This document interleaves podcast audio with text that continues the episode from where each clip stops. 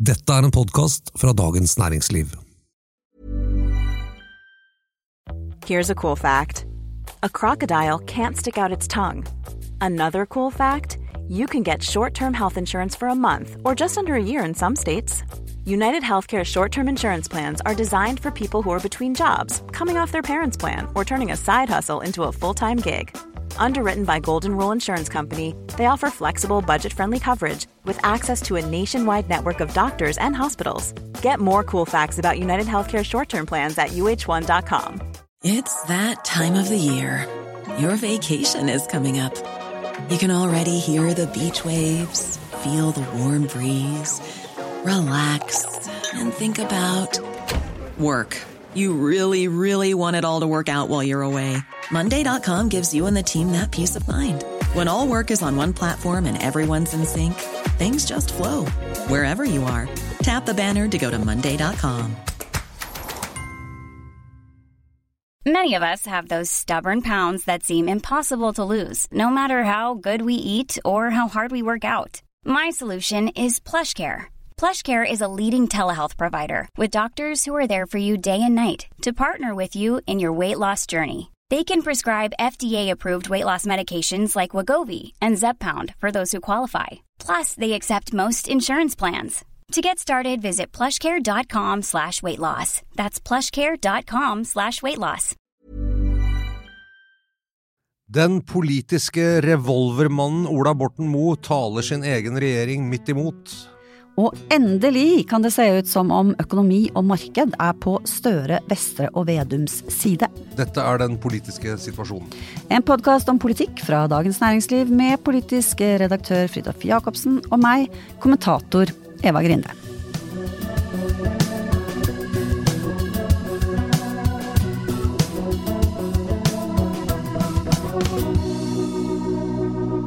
Eva, du var på Stortinget i går. Hva skjedde? Jo, eh, jeg var der. I går var det jo onsdag, og klokken ti hver onsdag så er det noe som kalles eh, spontan spørretime i Stortinget. Da stiller man med statsråder fra regjeringen, og så kan opposisjonspartiene fyre løs. Og i går så var det jo statsminister, selveste statsminister Jonas Gahr Støre som, som var på en måte leid ut fra regjeringen for å ta pepper fra, fra, representanter. Så det var jeg og så på. Der var det, det var fullt hus, fikk ikke plass i, på benken der presselosjen pleier å sitte, måtte opp på galleriet og ja, var, det var, det var mye folk, liv og røre i Stortinget i går. Stikkord for eh, spørsmålene? Eh, stikkordet er eh, strøm og helse, vil jeg si. Kanskje det mest liksom, potente og konfliktfylte, enn så lenge i hvert fall, er jo, er jo strøm og, og, kraftkrisen. Og der Jeg må si Støre greide seg ganske bra, altså. Han, han virker liksom Eh, sterk og klar på at eh, regjeringen har ikke tenkt å komme opp med noe strømstøtteordning for eksempel, for å, for å lette situasjonen for bedriftene, men tenke mer langsiktig. Så det var liksom et sånn mantra da, som han gjentok, jeg tror det var seks-sju ganger eller noe sånt, i løpet av den timen han ble, eller halvannen nesten, som han ble utspurt. Og det var vi skal skaffe mer strøm gjennom kraft, nett og enøk. Altså vi skal øke krafttilbudet ved å produsere mer kraft i, i Norge, vi skal ha bedre eh, nett, og vi skal eh, stimulere til at folk sparer på strøm. Så liksom eh, Løsningen til regjeringen er denne langsiktige. Eh, eh, for å få ned prisen på strøm, så må vi rett og slett øke tilgangen på strøm. Og det er jo da, per definisjon ikke noe quick fix. Det er jo der de står, da, og sliter ja. trår vannet. Fordi det, det, er så lett for opposisjonen da, å komme med litt mer populære forslag som er sånn kan vi ikke bare dra fram to milliarder kroner og gi, og, og gi til de stakkars bedriftene nå i en overgangsfase. Eh, og da er det jo litt viktig at eh, regjeringen eh, står på sitt og sier nei til det, og isteden fortsetter med dette å legge til rette for et sånt eh, fastprismarked, for det var stikkord nummer to når det gjaldt strømtemaet, da. Mm. Eh, mitt inntrykk er at det har noe har skjedd i årsskiftet. Eh, om det er varig, det vet vi ikke, men eh, jeg syns at vi ser en deler i hvert fall av regjeringen kanskje spesielt Jonas Gahr Støre og, og den, den, aktive næringsminister Jan Christian Vestre, har for det første vært ak veldig aktive, gått ut, i hvert fall i vår del av verden.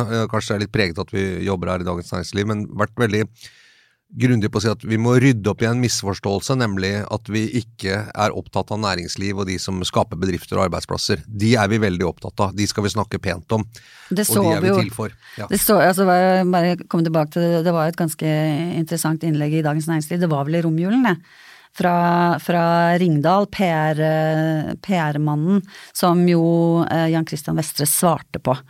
Og det, det, gikk jo på nettopp dette at regjeringen svikter på en måte oss lilla velgere, vi som starter bedrifter, vi som har gjort Vi som faktisk har lykkes fordi på grunn av at det eh, sosialdemokratiske styringspartiet har lagt til rette for at folk skal kunne komme seg opp og fram. Ja. Og, så, så blir man plutselig liksom dyttet bort i en eller annen sånn gruppe som egentlig ikke fortjener noe politikk i det hele tatt. Ja. Og det svarte han på eh, temmelig raskt og spontant, tror jeg. Ja, øh, ja det, men, det, men jeg har gjentatt så mange ganger, og så var det et intervju i DN hvor man tok et oppgjør med språkbruk, blant annet fra LO og andre, som, eh, som man ta de rike, og, og, ord som velferdsprofitører og sånne ting. Så jeg mm. synes det var interessant. Og, og så vidt jeg forstår, så handler det om å si at dette betyr ikke at vi ikke står for den skattepolitikken vi har innført i budsjettet. Det betyr heller ikke at vi kommer til å løpe med penger til næringslivet, men det betyr at den misforståelsen om at vi på en måte noe, har noe mot det ideologisk osv., den vil vi ha ryddet av veien. Eh, vi utskriver skatter og, og, står på vår strømpolitikk fordi vi mener det er den beste politikken. Det handler ikke om liksom, et forsøk på liksom, å ta de rike, eller, eller, at det er så mye fordeling i det. da. Eh, det, det syns jeg er en interessant eh, presisering, eller, eh, og sånn, og så sier ja, men dette har vi ment hele tiden, det er bare at dere har ikke hørt at når vi har sagt det, men, men jeg tror jeg oppfatter det som en ny sånn slags retorisk innpakning, da. Ja, det tenker jeg også, og så er det jo noe med at når man er ute i det offentlige, de har jo også vært preget av å måtte liksom litt jaget fra skanse til skanse og svare på det de får spørsmål om, fordi det har vært en så røff periode, ikke sant, og når du har i det offentlige rom, så har du på en måte en du har et lite rom for å si det du er nødt til å si akkurat der og da, da får du ikke sagt alle, alt. Ikke sant? Det, det, det, er jo ikke det at det, eh, Jeg tror Jonas Gahr Støre virkelig mener det når han sier at han, at han heier på private, eh, private, aktører og på næringslivet, men det har ikke vært det som har vært trukket, eh, trukket fram. Og nå virker det som at de skjønner hvor viktig det er å, å, å få sagt eksplisitt. Og så har du jo samtidig da en, en god del politikk som i hvert fall næringslivet mener ikke er så næringsvennlig, da. Sånn at eh, det kan jo fort oppstå et lite gap mellom retorikk og politikk her. Ja, men jeg tror egentlig, hvis jeg skal forsøke å tolke det, så vil jeg si at de, de la oss si 4000-5000 næringslivsledere og bedriftseiere, da, så tror jeg nok en del av de vil nok stemme kanskje Høyre uansett, eller, eller noe annet. Eh, så det er nok myntet, tror jeg, også litt på å si at vi vil ikke bli definert som et parti som ekskluderer velgergrupper. Vi er partiet for alle. Vi er partiet for bedrifts... Altså med, med, det så man, prøver man å åpne opp, og, og det, jeg tror liksom man har fått en, et inntrykk at Arbeiderpartiet har snakket veldig mye om hvem de ikke er til for, ikke sant? og hvem som ikke behøver å stemme på dem. Ikke de med inntekt over 750 000, ikke de som har høy utdanning og bor i storbyer, osv. osv. Mm. Og dermed så, så, og så ser man da at på oppslutningen at den har eh, sunket som en stein. Og så tror jeg liksom dette er et slags, eh, hvis man skal tenke noe mer akkurat budskapet til, til sinte næringslivsledere eller, eller bedriftseiere, så, så er det litt sånn ja, men eh, vi er til for alle. ikke sant? Du, alle har plass hos oss, du kan velge selv, men du må jo være, du må tro på det vi gjør, da. ikke sant? Ja, ja Og det har jo vært liksom eh, det norske Arbeiderpartiets DNA, for å si det sånn. Opp igjennom, altså som styringsparti, så er de nødt til å favne alle grupper eh, for å bli typ 30-40% som de jo var i sin storhetstid. Sånn at man, man ser jo også liksom behovet for det å, å favne bredere gitt den begredelige oppslutningen eh, de har nå. Så det også ligger jo der. Ja, det er i hvert fall Jens Stoltenberg var han polariserte alltid opp, liksom, og snakket om også dem når det var valgkamp, og når han måtte det, men ellers så sa han ikke så mye om det så lenge han var statsminister. ikke sant? Fordi det, var, mm. og det er, også, det er, klart det er også en overgang, at språkbruk, retorikk og sånn, den er nødt til å være litt annerledes da når du er uh, i posisjon og styrer landet enn, enn den er i opposisjon. Så det, jeg tror det det å gjøre. Men, det, men jeg syns det er interessant å få se om det lykkes. Eh, det kan jo også være at Hva da tenker du på lykkes? Nei, at det lykkes at de ikke blir liksom definert ut som et parti hvor, liksom veldig mange, hvor veldig mange ikke har plass. Ja, men tror du ikke det kommer altså, Hvis de, hvis de Ta dette med privat sektor og næringsliv. Eh, som jo er det som den konkrete gruppa de nå prøver å, prøver å, å ta inn i varmen, da. Det vil jo komme an på politikken også. Altså hvis altså, du har på en måte forbud mot innleie som er, sant, det, som er veldig kontroversielt. Eh, dette med den derre kritikken av, av, eh, private velferdsaktører som har gått ganske langt. Ikke sant? Det ligger litt sånn eh, Bare en formulering senest i går fra Jonas Gahr Støre som, som sa noe sånt noe som at jeg har ikke noe mot private helseaktører, men jeg, men jeg er for at folk skal ha gode arbeidsvilkår år. Og da er det jo en sånn implisitt eh, påstand der om at det har man ikke i, i, i private, hos private aktører. Og det, og det, stemmer jo bare ikke, i hvert fall ikke som noe sannhet. Eh, Så da, da, det, da, da, faller man ned i den der litt sånn ideologigrøfta. Og akkurat den står jo liksom ekstra, kanskje litt sånn ekstra grelt i kontrast til det at det har jo vært flere saker som viser at Jonas Gahr Støre bruker private ja, ja, ja. helse... Jo, jeg er enig i det, men jeg, men jeg tror egentlig det er en form for politisk kommunikasjon som ikke nødvendigvis er et forsøk på det, at det er ikke så viktig om da om liksom noen tusen næringslivsledere, bedriftseiere. Men det snakker til nei, en større gruppe. Og det samme gjelder sånn, den, det dilemmaet du får med liksom, bemanningsbyråer og sånn. Det er noen som vil kjenne veldig hardt på det. Eh, men ikke mange nok til at liksom det eh, Og det, jeg tror det er det som er litt tanken, da. Ja, Så du tror at de kommer til å fortsette med den eh, som blir oppfattet av de aktørene, den næringsfiendtlige politikken, men, men den rause retorikken, og vinne frem med det? Ja, det jeg tror, ja, det, i hvert fall, for det er hvordan du snakker om det. Og det er jo det som er ja men jeg tror, det, jeg tror ikke man skal se helt bort fra at Nei, nei, man, man, kan ikke se helt bort fra noen ting. Selvfølgelig kan man ikke det. Men, men, men hvordan, i politikk så er jo hvordan man snakker om det, har en betydning. Absolutt. Og, og, det er jo en av de tingene som jeg tror har skåret seg litt for dem, var at de når de skulle lage et statsbudsjett som de sa det er et krisebudsjett. altså Det tvinger oss til å ta en del veldig upopulære avgjørelser, men som vi mener er riktige. Mm. Vi, vi, er nødt til å eh, legge på en større skattebyrde, dessverre, kunne man sagt, fordi eh, alternativet er at vi liksom gir gass på renter og prisstigning. Eh, så dette må vi dessverre bare gjøre. Og ja, vi har en strømstøtteordning til husholdninger, den må vi dessverre finansiere. og det, det er ikke noe vi ønsker å gjøre, det er ikke noe ideologisk, det er bare en praktisk konsekvens av den tiden vi lever i. Men så, i forsvaret av det, så datt de over i det ideologiske, for det var liksom morsommere å si at vi øker skattene for å ta de rike, ikke sant, og vi gjør liksom en greie av det, vi skal polarisere opp og skaffe oppslutning. Det virket ikke, så jeg lurer på om vi kanskje får et skifte nå som sier at ja, sorry folkens, det er krevende tider, alle må være med og ta litt, og dette er ikke så gøy, men vi, det er dessverre det mest klokeste vi kan gjøre, da, og sånn gjør vi det. Men, eh, men, det er ikke noe mål i seg selv å liksom skattlegge rike mennesker, f.eks. Nei, nei, nei de er fall, det er i hvert fall helt klart at uh, de har benyttet sjansen til å si disse tingene ganske mange ganger i løpet av de siste ukene. Ja, nå ja. ja. Og det er en helt annen retorikk ja, enn det de hadde før. Absolutt. Mm. Men hvis vi skal gå på politikken igjen, så er det jo litt interessant hvordan de står på dette med fastprissystemet også, da, for, bedrifts, for bedrifter. Eh, altså fastpris på strøm og at det er det som skal, skal, skal liksom være løsningen for strømkrisen for bedrifter, og ikke det å, å gi dem gaver eh, à la sånn strømstøttepakker og litt sånn koronastyle. Som vi har andre private eh, husholdninger får. Ja. Nei, og det, her er det jo to ting jeg syns er interessant. Det, det, ene er eh, det å tilby fastprisavtaler i et marked. Det har nå strømselskapene alltid gjort. Det er ikke noe regjeringen har funnet på at nei, de skal gjøre. Men det har, vært, det har ikke vært så mye, det, de har ikke vært så mye tradisjon for det, og de har ikke vært så veldig godt utbygget. Nei, det er fordi det har, det har på sikt alltid lønt seg å ja. ta spot. Det er som å ha flytende versus fast rente. Historisk lønner det seg med flytende. Og så har jo ikke prisen vært høy nok til at det har vært noe jeg har alltid strøm, tenkt at hvis banken tilbyr meg en, en fastrente, så veit jeg at de kommer til å tjene på det, så det ja. skal jeg ikke gjøre. Og hvorfor det er helt annerledes eh, på strøm, det er jeg litt usikker på, og det er ikke sikkert det er så annerledes heller. Nei, det, har med forutsigbarhet å gjøre, da. Ja. Sant? Men, men, eh, men, det er altså De, de, de, de har riktignok gjort en endring i hvordan man beregner skatt for kreftselskaper, som gjør at de nå, hvis de selger eh, Hva? Jeg syns det er kreftselskaper. Kreft. Nei, jeg sa ikke det. Jeg sa kraftselskaper, ja. Men som gjør at de, eh, at de hvis de selger strøm for 99 øre da, per kilowattime i tre år, så er det, det er det den inntekten de må skatte av. Før så var det sånn at hvis spotprisen da, at de kunne ha solgt den for f.eks. to kroner i perioder, så måtte de skatte av det. Selv om de bare solgte den for 99, og da blir jo insentivet for et kraftselskap til å det blir en enda større risiko for å selge fastpris, da. Hvis Ja, du kunne fått det er en av, ikke sant? Det er en av de, det er en av de tingene som, som man kan si at de, har lagt til rette for politisk, da.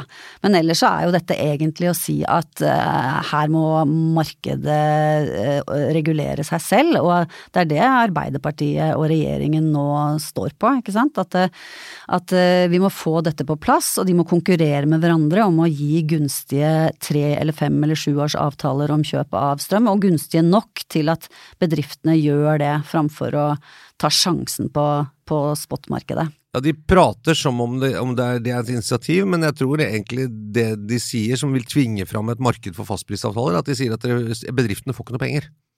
Nettopp. Dere må ordne dere selv. I hvert fall så må de ikke Eh. drive og si at kanskje dere får penger, og det har jo vært det som har skjedd de siste to-tre ukene, ikke sant. Litt sånn eh, Vedum og Støre ute i, jeg husker ikke om det var VG eller Dagbladet, og sånn jo, vi skal fikse denne strømprisen nærmest, ikke sant. Altså de, de falt nesten som om de falt for fristelsen for å love at de skulle gjøre noe med det. Og hvis liksom regjeringen sier det med den ene hånda, og ber bedriftene vente på, på, på fastprisordningen med den andre, så, så, så er det klart at eh, hvis en bedriftseier sitter og lurer på kanskje jeg får en masse penger gratis i morgen, så går du ikke inn på en tre eller fem eller sju års kontrakt. Nettopp. Det er rett og slett bare så enkelt. Nettopp. Så, du, så hvis de skal få folk inn på fastpris, da, som Og, og så sa jo Støre samtidig, var vel i den spørretimen som du hørte, han sa hvor ble vel spurt om hvor lenge kommer dette uføret med priser til vare, så, så sa han vel et par-tre år. Ja, han sa det. To-tre år kommer vi til å være der. Og det betyr jo i klartekst strømmen kommer til å være veldig dyr i to-tre år. Eh, Så, så det er jo på en måte, Og det må da næringslivet tilpasse seg. Og da mm, at da er det lurt kanskje å ta en fastpris. Da vet du i hvert fall hva du har å budsjettere med da de neste tre årene. Men det jeg lurer på, for nå, nå, nå var jo altså, Vestre var jo veldig opptatt av at nå hadde treårskontrakten kommet under krona, for det har han sagt eh, en stund, eller han har håpet på det. Eh, og, og altså hvis det da liksom er eh, reell eh, grunn til å tro veldig høye strømpriser de nærmeste tre årene, så må jo Høres ikke 99 øre eh, så veldig dårlig ut. Men samtidig så er det jo sånn at disse selskapene eh, gjør jo ikke noe de kommer til å tape på, så Eller noe de tror de kommer til å tape på. Altså, de kan jo ikke vite det heller. Nei, jeg tror ikke kanskje markedet, kanskje ikke prisen og hva, hva som er en gjengs pris og en god, få solgt sånne fastprisavtaler på det. Siden markedet foreløpig er så lite, så tror jeg det er litt vanskelig å vite hvor det skal ligge. Kanskje når det blir mer konkurranse om de kundene som mange vil ha fastpris, at det kan gå enda litt lavere, ikke sant. At det blir enda litt mer effektivt. Men så lenge, ja, så lenge den fastprisen nå ser ut som den er på vei ned, så er det jo ingen som vil tegne, ikke sant. Men øh, det er også litt sånn vanlig markedspsykologi. Altså hvis du, du tegner ikke før du er ganske sikker på at du er på bånn, liksom. Ut. før du er sikker på at du ikke får penger fra staten, og, Ja, og at du må de gjøre det. tingene Og så må, finner du ut den omtrent når den ligger, ja. Det er ganske vanlig. Men vi, vi her i Dagens Næringsliv, vi må jo nesten si at vi støtter, støtter den standhaftigheten der, da, på Jeg skal ikke snakke på vegne av hele Dagens Næringsliv, men jeg syns at det, det, det, det lyder fornuftig av, eh, av Støre og, og Vestre å bare være helt klart på at det, dette, det er dette vi skal få til å fungere. Eh, Glem liksom drømmen om eh, eh, koronastyle eh, overføring av penger. Ja, det er også et litt sånn Kanskje litt et paradoks, men at noen politiske ledere på statsministre blir kan bli på sikt populære av å tørre å stå i upopulære ting. Det å, å gi etter for press og, og snakke folket eller særinteresser etter, etter munnen, det, det kan kanskje løse en ting på kort sikt, men også med så har det bare den effekten at folk blir enda mer misfornøyd. For at uh, hvis de får noe, så vil de ha mer, så blir de, klager de mer, og så blir de mer og mer misfornøyd. Et eksempel er jo at er jo hvordan den ganske massive strømstøtten til befolkningen ikke har gjort regjeringen noe mer populær. Det, frustrasjonen over strømpriser har ikke, har ikke avtatt, selv om man får dekket mesteparten av regningen. Eh, det er jo et interessant fenomen. Så jeg tror også det for denne for, Kanskje det ikke er strømmen man er misfornøyd med? Nei, ikke sant. Jeg tror også det å, det å stå i da, ikke sant? Stå i grunnrenteskatten på laks, det å stå i og vise at vi kommer ikke til å gi oss, og det, og det har han jo også gjort når det gjelder dette råkjøret mot å koble Norge fra det europeiske kraftsystemet. Altså, det sa han jo allerede i Arendalsuka, vi kommer ikke til å gjøre det. Mm. Eh, Altså, Dere kan si det så mye dere vil, vi kommer ikke til å gjøre det. Eh, og til slutt så, så blir det liksom ikke noe mer fart i det. og det jeg tror et eksempel som jeg husket jeg kom på i dag, var da Erna Solberg var ganske ny statsminister, så, så hadde hun jo inngått i denne Nydalen-avtalen med KrF at det skulle være en sånn reservasjonsrett for fastleger mot å sende folk til abort, hvis du husker det. Mm. Ja. Det var ekstremt upopulært, ble oppfattet som en innskrenkning av retten til selvbestemt abort. Ja, altså at leger eh, skulle få lov til å reservere seg mot det, ikke sant? Hvis du har en fastlege Ja. et sted, eh, og som var veldig mot abort, eh, og du som kvinne kom dit og sa at jeg, jeg ønsket å ta en abort, det er liksom innenfor grensen, så vi skulle kunne si at jeg nekter å sende deg til det, da må du gå til en annen lege. Mm. Og det, det ble jo, vakte jo enormt raseri. Det var, et, en kjempemarkering på, på 8. mars, hvor mange høyrekvinner også sto Ja. og mange av Ernas velgere. Eh, hun sto helt fast og sa jeg gir meg ikke på dette, eh, sånn skal det bli. Eh, og, og stormen var enorm, jeg husker jeg skrev om det og tenkte er det liksom for et eh, politisk selvmord dette er, å stå i en så upopulær, ser du ikke at du har folk mot deg osv. Hun sto. Ja. Og det som gjorde at det ikke ble noe av, var at KrF, da Harald var partileder, rygget og sa ok, vi trekker det kravet, vi ser at det blir for mye. Og da sa hun ja, det er greit, men det var fordi at hun sto for det. Tror jeg, jeg har lovet det til KrF, da Det var en sånn konsesjon til KrF. Ja, og, Men hun sa heller ikke sånn 'det er noe vi har lovet', hun sa 'vi mener det er riktig'. Og Hun ble veldig upopulær på kort sikt, men den standhaftigheten og det å stå i den stormen, tror jeg liksom er noe som folk ser Ja, ikke sant, 'the lady is not for turning', det der Thatcher-sitatet, det inngir en eller annen form for respekt. Å tenke ja, hun, hun er tøff, ikke sant, hun kan styre. Hun gir ikke etter når ting blir tøft, hun står for det hun gjør. Og det gir en gevinst på sikt, da, og en myndighet. Og det er mulig at det, Det er det vi har at det er det Støre liksom har sett nå. Han har jo plata, liksom vært veldig svak i møte med kritikk, syns jeg mange ganger, men eh, her står han ganske fast. da. Ja, altså jeg er enig med deg i, den første partilederdebatten i Arendal, eh, hvor, hvor, hvor, han kom veldig sånn sterkt eh, fram, og også nå i den halvtårsoppsummeringen rett før jul var det også veldig sånn Og da igjen var det jo gjentagende dette med, med europasamarbeidet består. Eh, fordi at eh, problemet er mangel på kraft. Vi må bygge ut kraft. Vi skal ikke liksom prøve å nasjonalisere den norske kraften eh, og ikke, ikke handle med, med utlandet, men vi må, vi, vi må utvide hele tilbudet av kraft, ikke sant. Eh, det var det ene, og det andre var eh, altså nå i den halvtårsoppsummeringen eh, før jul. Det andre var den er også veldig klare på eh, vis-à-vis næringsliv, da. At, eh, som nå gjentas, ikke sant. Altså at vi, vi skal ikke kjøre direkte pengeoverføringer. Nei. Og så liksom Det er ikke populært, men si det er nok riktig. Det, betyr, det er ikke fordi vi ikke liker dere, for Ja. vi liker dere veldig godt, men sånn må det bare være. Ja. Ja. Deal med det. Jeg er litt spent på å se om den nye, hva skal man si, besluttsomheten og, og, og, og motstandskraften mot dette holder. Altså, det er ikke gitt. Jeg tror han har en del av beviset på at han kan stå i dette over tid, men men det begynner å bli noen saker fra det budsjettet som de har stått ganske hardt på, da, eh, som er upopulære. og jeg som sagt, tror jeg På en eller annen merkelig grunn, så ved å tørre å gjøre seg upopulær på kort sikt, så kan man faktisk bli mer populær på lang sikt, eh, og få større respekt. da. Ja, ja. Uh, eh, det var jo Nikolai Astrup fra Høyre som var en av de som stilte, stilte spørsmål i spørretimen i går, og han eh, stilte også spørsmål om eh, om en annen, eh, et annet medlem av regjeringen, nemlig Ola Borten Moe, som mente at regjeringens nye satsing på hydrogen var å sende kraft rett i dass. Ja, det må vi snakke mer om. Det gjør vi.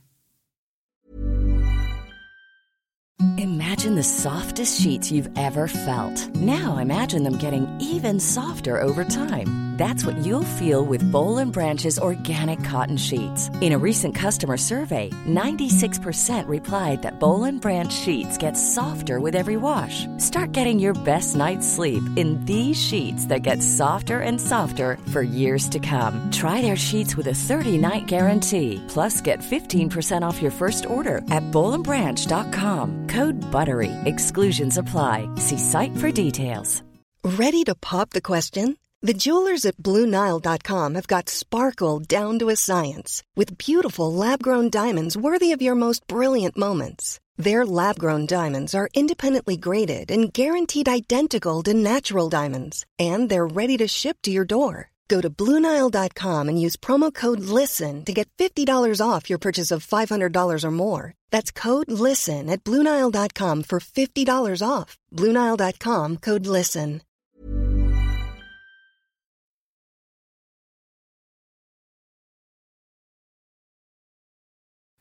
Ola Borten Moe, ja. Eh, en, eh, en fritenker, får vi vel si. ja, han er veldig fri. Ja, eh, og, Litt for fri for enkelte smak, antagelig. Ja, og ikke, ikke mørke, ikke skuggeredd, det kan vi vel si. Alltid vært ganske klar på hva han mente. Eh, Først, første landsmøte til Senterpartiet som jeg dekket, nå høres jeg ut som at jeg er i ferd med å prate meg inn i en sånn slags veteranstatus, men jeg har ikke vært på så mange. Har veteranstatus. eh, har vært på så mange, men, men da åpnet det landsmøtet, det var da Liv Signe Navarsetes første landsmøte som Senterpartileder. Den dagen landsmøtet åpnet, og det var jo da i den rød-grønne regjeringstiden, så hadde han en kronikk på trykk i Klassekampen som het Nei til SV-staten. Ja, det var veldig god stemning, ikke sant. Som jo var en ganske direkte utfordring til eh, Ok, så til han, har, han, er- han, han, er han har tradisjoner han må følge opp her. Jeg tror Ola Borten Moe er litt sånn Dette mener jeg, og da kommer jeg til å si det. Og jeg bryr meg ikke så veldig om liksom, hvor jeg sier det fra. Men, men det er jo litt forfriskende òg, da, eh, som vi pleier å si når vi snakker om Ola Borten Moe. ja, når noen lager bråk Jo, men når noen, og noen generelt lager bråk, og derfor så er, er man jo liksom litt sånn ekstra glad i Borten Moe som politiker, fordi det ofte, ofte stormer litt rundt ham. Men det er jo det er jo som de sier, de som blir bedt om å kommentere, altså både Støre og Vestre og, så videre, at eh, det er ytringsfrihet og det er høyt under taket, men han tar feil. Men vi skal kanskje komme til hva han faktisk eh, sa. Ja, han, han ga et intervju hvor han, eh, hvor han gikk veldig kraftig ut mot planene om, om norsk hydrogen. Han skrev på Facebook faktisk, Ja, på først. Facebook, ja. Jeg tror jeg, det var, Ja. Hele greiene var et sånn, en rant. Altså, hvis vi skal bruke norsk, norsk fornybar kraft, altså vann og, og utbygging av vind og sånn, til å lage hydrogen, eh, så går det så mye energi tapt i den prosessen. Eh, altså det, all energien som ligger da i den elektriske kraften, så er det veldig mye av den som forsvinner på veien inn til hydrogen, som jo er et slags batteri. Da. Så når du skal bruke det igjen, så er 75 eller 60-70% noe sånt noe borte ikke sant, på veien. Og hydrogen er jo sånn, eh, har jo noen sånne viktige egenskaper som eh, at, den, at den samler og holder på energien. Ikke sant? Noe av problemet med fornybar energi er jo at den må brukes med en gang. Ja. Mens hydrogen er da en, en eh, klimavennlig teknologi når den kommer på plass. Den er jo under utvikling. Og det har jo Ola Borten Moe rett i, faktisk. ikke sant? At eh, det, den krever veldig mye eh, energi per i dag. Eh, Ja, hvis du har vannkraft i magasinet da, som du kan eh, tappe ned og gi strøm ut til noe som bruker strøm, eh, hvis du isteden tapper ned og bruker den strømmen til å lage hydrogen, som du senere skal bruke til å lage strøm eller gjøre et eller annet, så er det jo gått mye tapt på veien. Det har han jo rett i. Så er tanken med hydrogen er vel at det skal samle opp da hvis vindmøllene blåser som bare det, og det egentlig er, lages mer kraft enn det man har bruk for, og, og den får, kanskje koster null, eller har en negativ pris, som det, man kraft av og til kan ha bare for å bli kvitt den, så kan man isteden bruke det til å lage hydrogen og spare på noe av den kraften, da, i hvert fall, og bruke den seinere. Men, men han er redd for at liksom, norsk vannkraft skal gå inn til å lage hydrogen, og det var jo det sånn jeg leste det. ikke sant? Ja. Ja, og så må vi bare ta konteksten da, ikke sant, fordi det var akkurat da dagen før inngått en strategiavtale mellom Norge og Tyskland om utvikling av hydrogen, og det var inngått en mer konkret avtale om utvikling også mellom Equinor og en privat aktør i Tyskland. Og dette er jo helt i tråd med liksom diverse punkter i Hurdalsplattformen om hvordan hydrogen er noe vi skal forske på, utvikle, satse på eh, som, en, eh, sant? som del av, av eh, klimakampen. Også mens, mens liksom resten av regjeringen feirer da denne seieren om nytt samarbeid med Tyskland og, og fremtiden eh, der fremme, så durer da eh, høyere utdannings- og forskningsminister og oljeselskapsmedeier ja, Det vet jeg ikke om han er lenger, men eh, Ola Borten Moe. Ja, men, Jo, det eh, tror jeg. Ja, det kan Er- hende. er han ikke det? Det vet jeg ikke. Men, eh, men eh, han har i hvert fall hatt en eierandel da, i et, i et oljeselskap. Men eh, Men, da, men han skyter i hvert fall hele planen ned, og mener at dette da, ja, sånn direkte, direkte sitert, dette, dette betyr norsk kraft som det er knapphet på, eh, at den bare eh, kastes bort i produksjon eh, av noe, ja. rett i dass. Rett i dass, som han sa. Ja, Mm. ja. Eh, Det var Facebook, det, det var ikke liksom. Facebook-style. Det var ikke det, i hvert fall.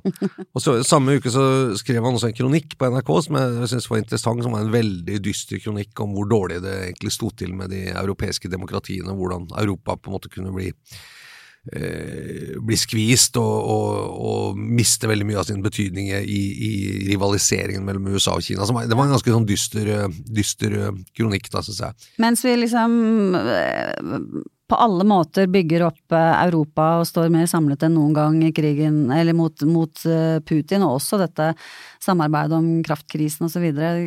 Det, var det, det var også et alternativt uh, synspunkt, syns jeg. Men er det et, Det var sånn er det et problem for Støre? Europa på vei ned, eller noe sånt? Spørsmålstegn var tittelen på den kronikken. Uh, altså, om det er et problem han, uh, eh, Borten Moe har jo allerede vært ute og moderert seg litt, da. Eh, og beklaget eh, særlig det hydrogenutspillet sitt. Eh, han ser nå at det, kom litt brått, liksom det var litt sånn stygg kontrast, dette at resten av gjengen i regjeringen hans var ute og feiret mens han dundret i vei, og at det var dårlig timing, innrømmer han. Og det andre han innrømmer, eh, det er at eh, å ja, det var sånn at man tenkte å bruke overskuddsenergi, det, da stiller ting seg helt annerledes. Og det er jo en del som ler litt av, fordi at eh, alle sånne hydrogenplaner har hatt det i, i, i på en måte sin løsning, altså ideen om at man skal bruke overskuddsenergi, og ikke, ikke, ikke eh, energi som ellers kunne vært eh, brukt, da. Jeg, jeg synes jeg, jeg skal ikke overtolke, men jeg tror det er lite tegn i tiden at det, særlig den hydrogenposten, som jo var en direkte utfordring til regjeringen, eh, fikk lite sånn oppslutning, egentlig. Altså, han måtte fort liksom rygge litt på det.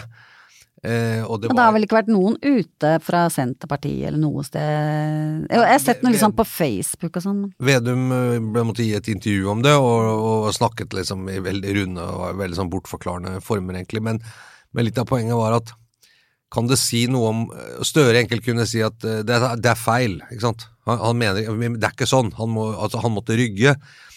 Det kan også si noe om at eh, styrkeforholdet eh, og liksom det å utfordre eh, eh, Arbeiderpartiets autoritet da, i dette, og hele den hydrogenplanen og alt det som ble presentert, eh, det fikk ikke så veldig kraft. Det kan også si noe, ikke sant, eh, om at hvis Støre hadde stått veldig svakt og Senterpartiet hadde veldig sterkt, kanskje dette, denne utfordringen ville fått en mye større kraft enn det den fikk, men det var, her var det egentlig Ola Borten Moe som så som så kanskje svakest ut når vi kom på slutten av det. Altså måtte liksom krype til korset og si at ok, jeg, jeg dumma meg litt ut her, og Ja. det var det, og jeg fikk beskjed av sjefen om å rydde opp i dette. Jeg har rydda opp i dette, ferdig med det. Han påstod han ikke hadde fått noe tilsnakk, da, men det er selvfølgelig det. det er jo lett å tenke seg at det i hvert fall Man kan har få en beskjed uten å bli snakket til. Ja, man, ja, man kan det. Altså kan han ha tolket eh, skriften på veggen, holdt jeg på å si. Men, men det hadde jo vært helt oppsiktsvekkende om Vedum skulle gått ut og støtta han. Det hadde jo Da, da hadde de jo vært i eh, veldig uenig med seg selv. Men jeg er helt enig i at han ble stående veldig alene i, i regjeringen, i hvert fall. Jeg syns ikke det fikk så mye sånn uh, fart i opinionen heller. Eh, det litt sånn usual suspects på Facebook som sa å, hadde Ola Borten Moe vært energiminister, så skulle alt uh, gått bra og sånn. Men, men uh, ja. Nei, ikke av veldig viktige personer. Nei. Uh, nei, jeg, så det, det tror jeg kanskje også Men det, der må man jo heller ikke glemme ikke sant, at vi- vi- hvis Støre hadde vært veldig svak, og Senterpartiet hadde gjort det relativt bra, så ville det vært litt annerledes. Men det partiet som virkelig har store problemer med oppslutningen, er jo, er jo Senterpartiet. ikke sant? Så, så det har noe med hvor det kommer fra også. Det har ikke vært noe sånn voldsom suksess i regjeringen, da, denne Senterpartiet-retorikken på forskjellige ting. Jeg vil si, jeg, jeg, jeg hører, Du har sagt det noen ganger, at det, det er virkelig, det er Senterpartiet som virkelig blør, liksom. Men jeg tenker den store endringen i landskapet er jo, hvis ikke Arbeiderpartiet tar seg opp igjen, det er jo den den reduksjonen av det svære styringspartiet i hele, hele etterkrigstiden, nærmest. Men Senterpartiet har jo vært nede på sånn fire, fem og seks i lange perioder, opp og ned hele veien. Ja da, Det var mer uvanlig at de var så jævlig svære, unnskyld uttrykket, før valget. det er, det er bare en sånn enorm forskjell på eh, selvbilde og tall, ikke sant, med det selvbildet de hadde før. Og, og jeg, eh, Senterpartiets, i takt med økende oppslutning, så utvidet jo også de begynte å omtale seg selv som et liksom sentralt og nesten statsbærende styringsparti, ikke sant. Eh, som kunne utfordre, altså man kunne få tre liksom styringspartier i Norge. Og, det, og dette handlet jo om da Vedum ble utropt som statsministerkandidat og de tingene. ikke sant, så eh, og så begynte man å bredde ut politikken, og så skulle man ha, også ha en politikk i Oslo, ikke sant, med Jan Bøhler så. Så man begynte liksom å bredde ut veldig fra, eh, fra å være ganske sånn renskåret distrikts- og bondeparti, en landbruksparti, til å, til å liksom få en identitet og si at nå har vi så stor oppslutning at vi kanskje kan bli det nye Arbeiderpartiet, eller det nye Sentrumspartiet, eller den type ting, da. Ja da, de var rollen. høye på seg selv. eh, Minner litt om det som. Kristelig Folkeparti prøvde ikke... på en sin periode òg, ikke sant. Men det var jo ikke egentlig så veldig lenge de var så store, da. Det var nå, det der lille høydepunktet sånn midt i valgkampen et sted. Nei, absolutt, men det er bare Så derfor så har det liksom Virkeligheten har innhentet det, og da når, Mm. når en statsråd da tenker, begynner å tenke store tanker om et felt han ikke er statsråd for, så, så blir det litt sånn det faller litt på stengrunn, som da Ola Borten Moe gjorde, enten han eh, tenkte store tanker om Europas undergang eller, eller om norsk hydrogensatsing i framtida, så ble det ble liksom ikke noe fart i det. Nei, og, og det som er, det som, en annen sånn interessant symbolting med det, er, er jo også denne referansen på en måte til en nasjonalistisk eh, syn på tingene. At vi bør, vi bør, ikke sant, vi må ta vår Norsk strøm skal brukes av nordmenn, eh, vi kan ikke bruke opp den på hydrogen, ikke sant, istedenfor å tenke sånn som da for eksempel Jonas Gahr Støre kontrer med at vi, er, vi står faktisk i en, en klimakrise. Hadde vi ikke hatt det, så kunne vi selvfølgelig dura i vei med det som er enkelt og greit, og som vi har teknologi på.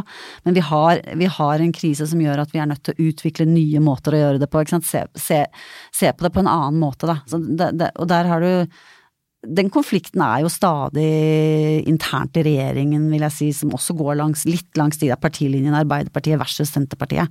Er du ikke enig?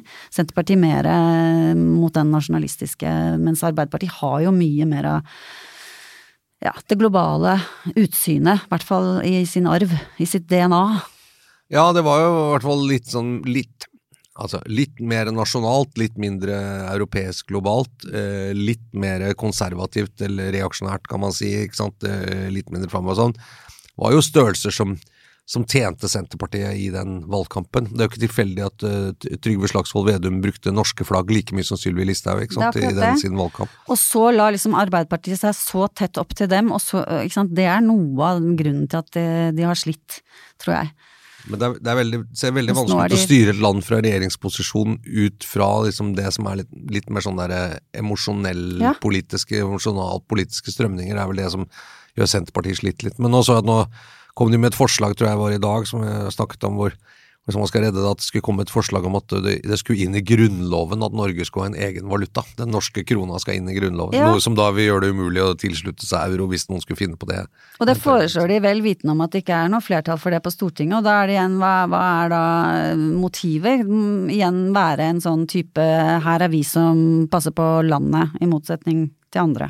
Ja, det er sånn for, for Noe sånt. flaggonani, vil jeg si, men eh, Ja, det kan man også kalle det. Det er vel noen, noen som Det funker kanskje for noen. Uh, Ja.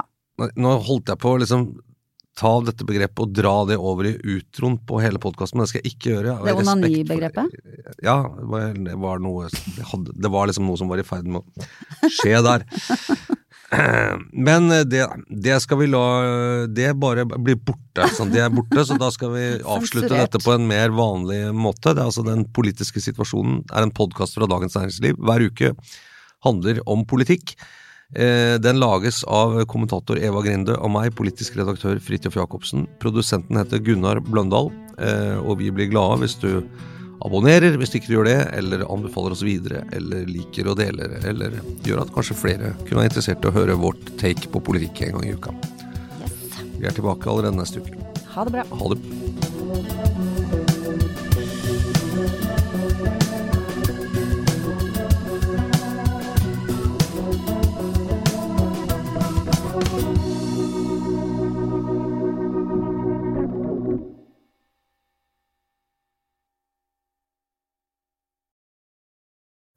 Du har nå hørt en podkast fra Dagens Næringsliv.